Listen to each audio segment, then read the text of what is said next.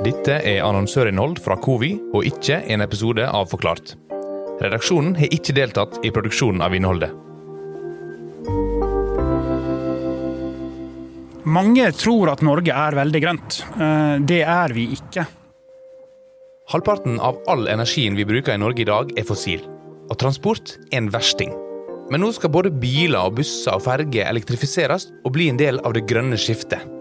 Problemet er at når alt dette skal lades samtidig, i tillegg til alt det andre vi bruker strøm på, så kan strømnettet kollapse. Det, hvis det ikke er matching her, så kollapser hele systemet. Da blir det mørkt. Da går strømmen. Hvis det er tilfellet, kan vi da fortsette å bruke strøm som før? I denne episoden skal vi møte noen av mennesker som jobber for å løse disse problemene både på tradisjonelt og på utradisjonelt vis. Dette er Annonsørinnhold, produsert av Skipsted Partnerstudio for Covi.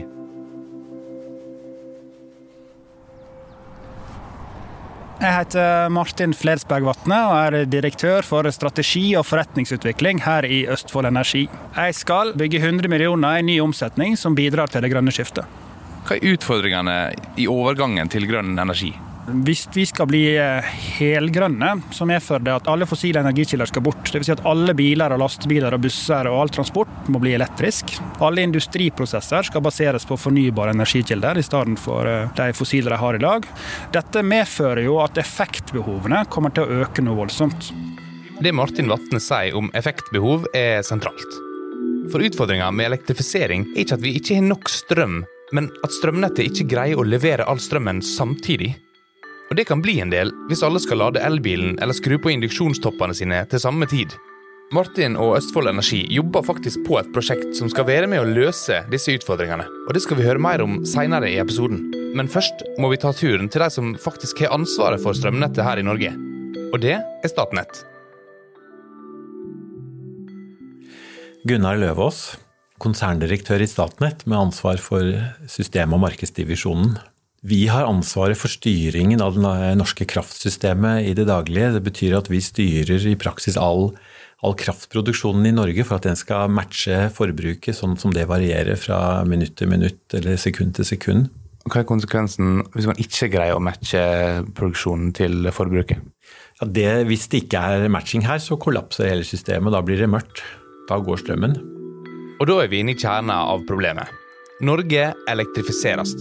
Biler, busser og ferger, havner, flyplasser og mer og mer av industrien skal over på strøm. I et klimaperspektiv er jo det gode nyheter, men overgangen fra fossilt til elektrisk er ikke uten utfordringer. En utfordring med elektrifisering er jo at eh, vi bruker mer strøm, og vi bruker mer strøm på samme tidspunkt. Og dette gjør jo at kapasiteten i nettet stresses, og det blir for lite kapasitet. Når, når vi bruker strøm alle samtidig, så er det ikke nok. Systemet er ikke designa for det, rett og slett. Så det er én utfordring. En annen stor utfordring er at uh, dette kombineres jo også med mer uh, fornybar kraftproduksjon. Der er jo utfordringen at kraften enten produseres på feil tid eller på feil sted.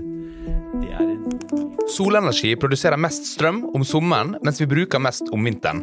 Og vindkrafta produseres av vindmøller som helst settes opp på kysten eller i nord, men de fleste i Norge bor jo ikke der, og strømmen må derfor fraktes veldig langt.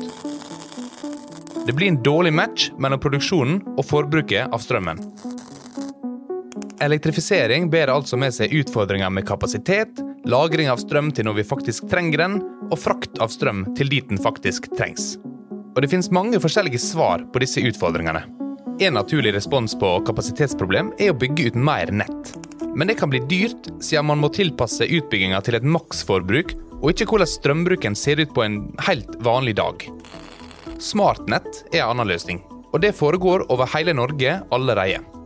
Da handler det om å digitalisere nettet for å hele tida ha oversikt over hvor effekttoppene ligger hen, og da også kunne unngå at flaskehalsene oppstår. Ei tredje løsning er såkalte mikronett, eller microgrids. Et microgrid er et eget lite nett der strømmen både produseres og brukes lokalt, uavhengig av det offentlige nettet. Da kan man unngå både frakt- og kapasitetsproblemer på en bærekraftig måte. Vi jobber med uh, å se litt på alternative muligheter istedenfor å bygge ut. Uh, I hovedsak med lokal produksjon, uh, lagring og ja, lokal distribusjon òg. Fordelen med å drive lokal produksjon og distribusjon det er mer at man gjerne produserer der man har forbruket. Man slipper disse store overføringene. Dette er Ole Kristian Nebb.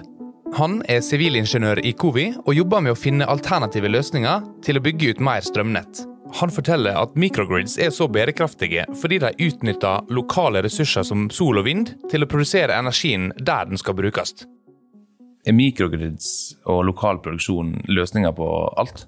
Nei, det er nok ikke løsningen på alt innenfor elektrifisering. Det er en mulighet til å håndtere noen situasjoner eller utfordringer som man har. Men det vil igjen være en vurderingssak hvor man ser på behovet, forbruket, Eh, og igjen hva som er tilgjengelig av ressurser rundt. Det er ikke gitt at man kan ha fornybare installasjoner overalt. Så I enkelte tilfeller må man gjerne se på noen smarte styringer eller energilagringsmuligheter. Kunne du gitt et eksempel på en typisk situasjon der eh, mikrogrid kan være løsninga? Eh, et eksempel på hvor mikrogrid kan være løsningen, vil være i forbindelse med et ladepunkt til en transportsektor, hvor man gjerne opplever store effektbehov på korte tidspunkt. Eh, her vil typisk en løsning gjerne bestå av en energilagringsenhet, batterier. Eh, kanskje noe lokalproduksjon via solceller. Lokal produksjon og lagring kan altså passe veldig bra til lading av kjøretøy. Og Et av pilotprosjektene som ingeniørene i Covi er med på å utvikle, handler om nettopp lading av elbiler. Vi tok turen til Sarpsborg for å finne ut hvordan dette faktisk kan se ut.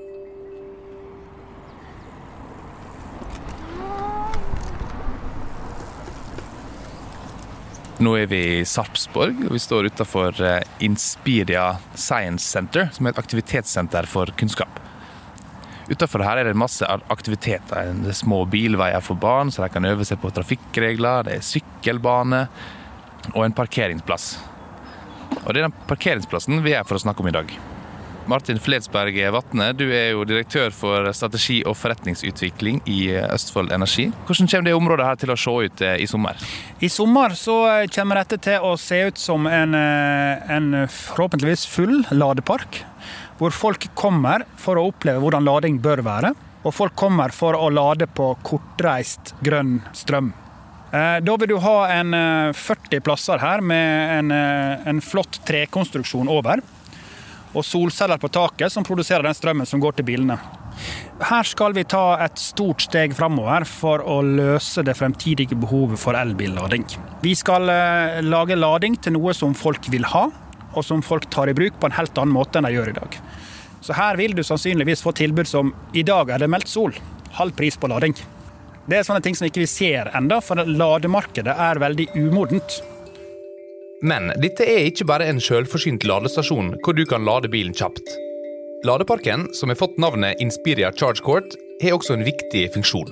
For batterier til bilene som lades, kan også brukes til å avlaste store effekttopper, altså rett og slett gi strøm tilbake når det trengs. Det vil si at eh, i det øyeblikket en stor eh, generator eller en pumpe eller noe som krever veldig mye energi, starter opp, så trenger den veldig mye strøm på kort tid. I stedet for å bygge en veldig tjukk kabel ut til det området, så kan du tenke deg at alle elbilene som står til lading innen en viss radius, deler litt av sin energi for å dekke den piken. Hvorfor er det prosjektet her så viktig? Dette prosjektet er så viktig fordi at uh, vi, Norge som land har som ambisjon om at vi skal kvitte oss med alle fossile bilene på kort tid. Da trenger vi en massiv utbygging av ladeinfrastruktur. Dette prosjektet muliggjør å sette opp ladestasjoner holdt på å si, hvor som helst. Du fristiller deg fra dette elnettet som vi har i dag, og du fristiller deg fra en masse investeringsbehov som ellers hadde kommet. Det skjer ganske mye innovasjon i energisektoren. Elnettet digitaliseres for å få bedre kontroll på hvor skoen trykker, og flere og flere plasser dukker det opp mikronett med lokal produksjon av strøm som kan avlaste det nasjonale nettet. Når strømnettet i tillegg skal bygges ut, er Norge mye bedre rusta for å kunne levere all den strømmen som trengs samtidig, når industrien og transporten elektrifiseres. Betyr alt dette at vi bare kan fortsette å bruke strøm sånn som før? Gunnar Løvaas i Statnett tror at også vi som forbrukere må bidra. Samla sett må vi utnytte den infrastrukturen vi har på en best mulig måte. Så vi er veldig avhengig av at forbrukerne hjelper oss. at ikke alle bruker strøm på samme tid. Litt sånn parallellen til veitrafikken hvor man snakker om rushtidsavgifter og lignende for at ikke alle skal kjøre til jobb helt samtidig. Så vi prøver å belaste systemet minst mulig. Vi skal gi den enkelte forbruker en, eh, en grunn til å flytte forbruket fra ikke lade elbilen med en gang, da, men å justere i henhold til når det er ledig kapasitet. Hvordan vil elektrifiseringa slå ut for privatpersoner? Vi, vi tror at totalt sett får en lavere regning på energi for folk flest. Nettleia blir antagelig noe dyrere fordi vi må investere i nettet og utvikle nye styringssystemer som koster penger.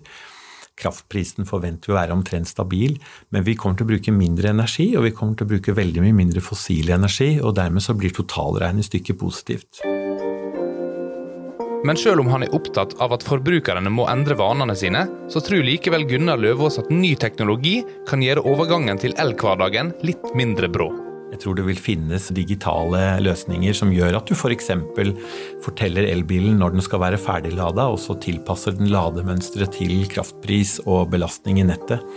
Og Dermed så kan dette gjøres uten at du opplever egentlig tap av komfort, men du har likevel bidratt til at vi utnytter kraftsystemet best mulig, og samtidig kanskje har du spart noen kroner for deg selv.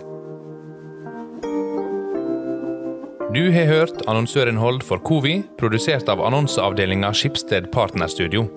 Aftenposten sin redaksjon har ingen rolle i produksjonen.